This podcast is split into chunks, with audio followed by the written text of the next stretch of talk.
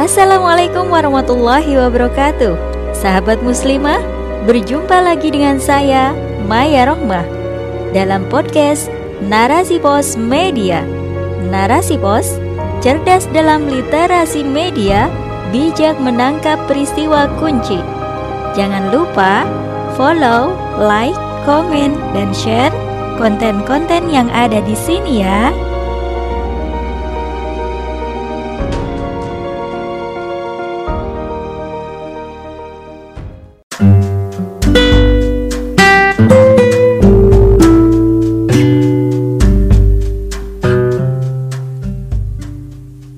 Puber Dakwah oleh Novida Sari Eskom Dakwah adalah kewajiban yang dibebankan oleh Allah Subhanahu wa Ta'ala kepada setiap manusia tanpa pandang bulu dari mana ia berasal. Sebagaimana firman Allah Subhanahu wa Ta'ala di dalam Al-Quran, Surah Al-Imran ayat 104.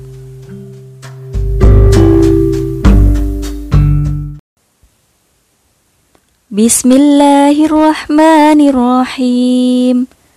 Waltakum minkum ummatun yad'una ilal khair wa ya'muruna bil ma'rufi wa yanhauna 'anil munkar.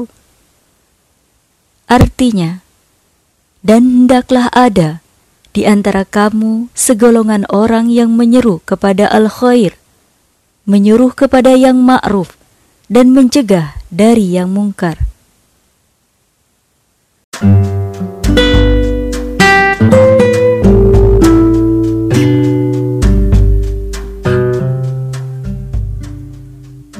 Besarnya pahala jariah dari dakwah merupakan saham yang senantiasa dibangun oleh orang yang sudah merasakan manisnya dakwah. Bagaimana tidak, tatkala seseorang berubah karena dakwahnya, maka sang dai yang mengajak kepada kebaikan tadi juga akan mendapatkan pahala tanpa mengurangi pahala yang melakukannya.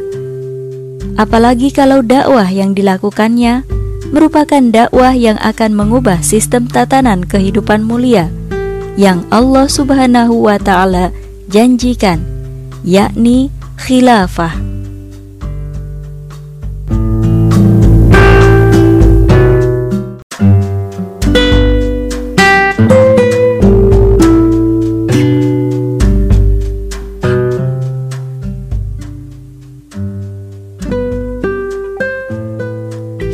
Khilafah yang dulu diperjuangkan oleh Rasulullah Shallallahu Alaihi Wasallam dengan para sahabat telah menghasilkan peradaban gemilang Islam yang tidak ada tandingannya.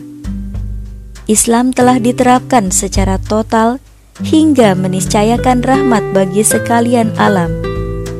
Melalui bisyarah Rasulullah Shallallahu Alaihi Wasallam yang menyebutkan akan ada kehilafahan kedua, maka tak sedikit manusia yang akhirnya menjadi bagian menjadi pejuangnya.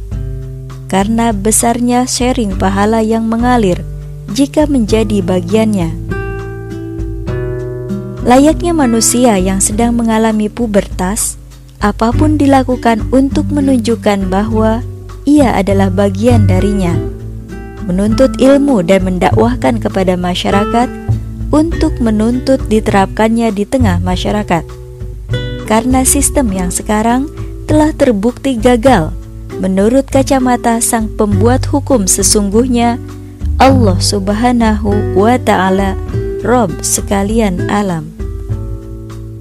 Akan tetapi, terkadang pelaku dakwah yang tengah puber ini merasa sudah menjadi orang paling agamais, menyebarkan berbagai hikmah dengan kata-kata indah, sudah bermain dengan kata amanah, namun lupa akan seni dalam berdakwah. Hingga terkadang bukannya mengajak malah mengejek, bukan merangkul tetapi memukul, bukan mendekatkan kepada Allah Subhanahu wa taala tetapi menjauhkan. Terkadang karena lisan yang kurang ahsan tatkala mengingatkan. Karena Allah Subhanahu wa taala pun telah menerangkan di dalam surah Al-Baqarah ayat 272 yang artinya Bukan kewajibanmu Muhammad menjadikan mereka mendapat petunjuk, akan tetapi Allah lah yang memberi petunjuk kepada siapa yang Dia kehendaki. Pengemban dakwah harus memahami betul medan dakwah yang ditempuh. Jangan karena sudah menyandang gelar aktivis, lantas memandang yang tidak menerima ajakan kepada kebaikan dengan sinis. Bisa jadi lisan yang menyampaikan hikmah dengan nada sinis yang menjadikan dakwah kian pesimis, hingga objek dakwah pun memilih untuk menepis. Mungkin pandangan mata yang tidak bersahabat karena merasa diri yang paling hebat telah mengemban amanah seperti halnya sahabat. Lalu, objek dakwah pun mendebat, bagaimana mungkin dakwah akan sukses hebat? Kita tidak tahu kebaikan yang dimiliki oleh objek dakwah, sebagaimana kita tidak tahu apakah dakwah kita diterima atau ditolak. Kita juga tidak tahu kondisi apa yang membuat objek dakwah belum menerima. Mungkin ada uzur syar'i yang ada pada dirinya. Bisa saja ia sakit atau justru merawat orang tercintanya yang sedang sakit asalkan jangan hati pengemban dakwah itu yang sakit, merasa telah benar, sementara yang lain itu salah. Sesungguhnya, agama tidak hanya kata-kata, ia juga mengatur hati dan perbuatan.